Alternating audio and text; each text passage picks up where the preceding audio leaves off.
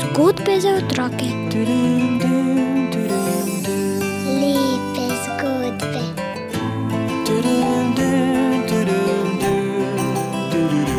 Bere nam jih Juri Sešar. Lepo pozdravljeni.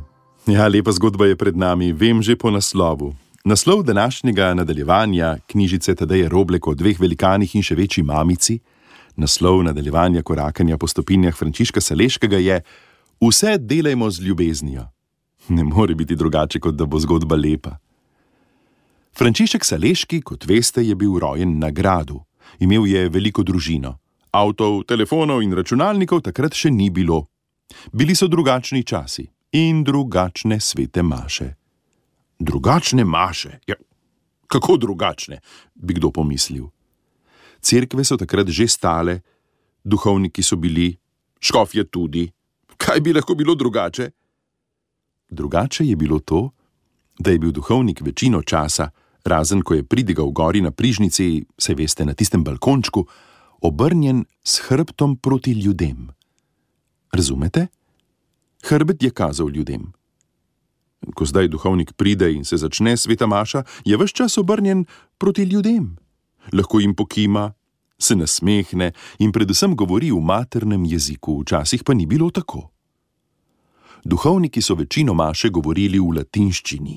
To je jezik, ki ga malo kdo razume in zna. Tako ljudje pri maši niso skoraj nič razumeli, razen pridige, gori na prižnici. Si predstavljaš? Verjamem, da je že zdaj pri maši kaj, česar ne razumeš in z mislimi odplavaš drugam. A, a kako bi bilo, če bi nam še zdaj duhovnik vse govoril v latinščini in bi vse čas maše gledal duhovnika samo v hrbet? Vsak pozna besede hokus pokus. A veste, da te besede prihajajo iz latinske maše?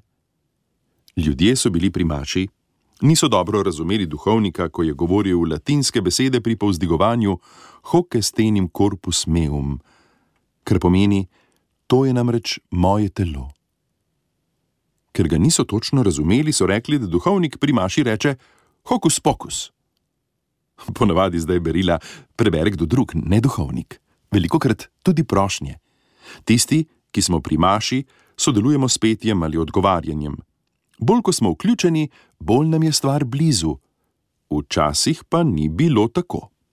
Ko pa je duhovnik stopil na prižnico, so vsi izbrano poslušali in želeli slišati, kaj jim bo povedal. Frančišek Saleški je rad poudarjal, da nikdar ne smemo silo, pretepi in napadom priti do cilja, ki ga želimo. Nekoč jim je rekel: Ljubezen mora biti naš napadalni stroj.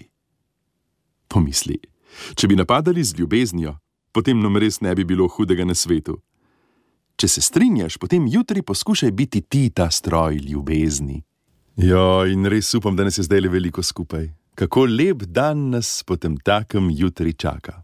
Poln ljubezni. E, Pa potem se nikar spet ne spremenite, kar ostanite stroj ljubezni. Tudi za naslednje dni in čase. Prav? Nasvidenje čez tri dni, ko se v zgodbah za otroke srečamo s pisateljem. Uh -huh.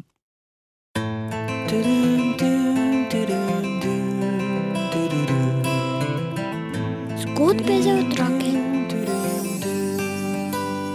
Lepe zgodbe.